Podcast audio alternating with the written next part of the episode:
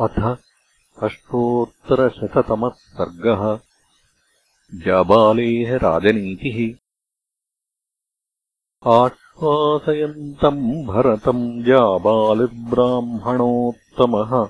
उवाच रामम् धर्मज्ञम् धर्मापेतमिदम् वचः।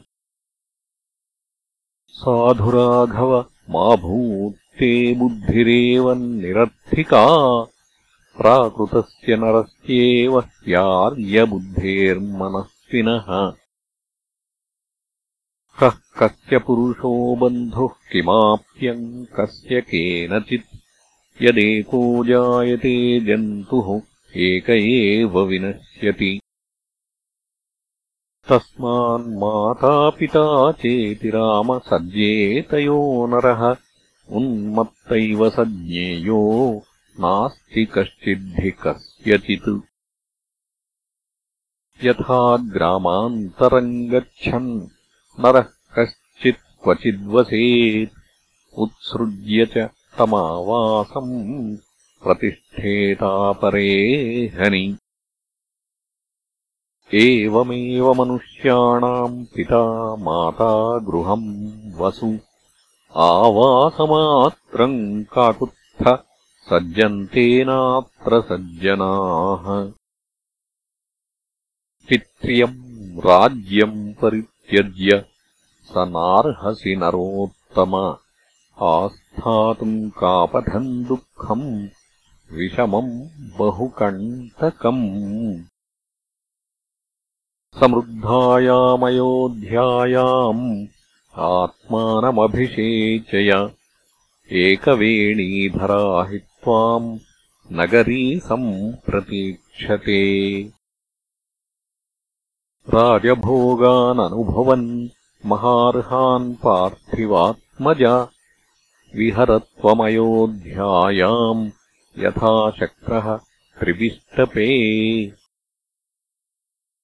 न ते कश्चिद्दशरथः त्वम् च तस्य न कश्चन अन्यो राजा त्वमन्यः स तस्मात् कुरु यदुच्यते बीजमात्रम् पिता जन्तोः शुक्लम् रुधिरमेव च संयुक्तम् ऋतुमन्मात्रा पुरुषस्येह जन्म तत् गतः स नृपतिस्तत्र गन्तव्यम् यत्र तेन वै प्रवृत्तिरेषामत्यानाम् त्वम् तु मिथ्याविहन्यसे अर्थधर्मपरा ये ये तान् शोचामि नेतरान् ते हि दुःखमिह प्राप्य विनाशम् प्रेत्य भेजिरे।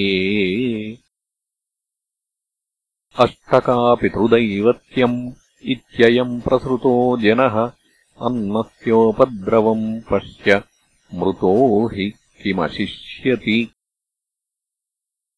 यदि भुक्तमिहान्येन देहमन्यस्य गच्छति दद्यात्प्रवसतः श्राद्धम् न तत्पथ्यशनम् भवेत्।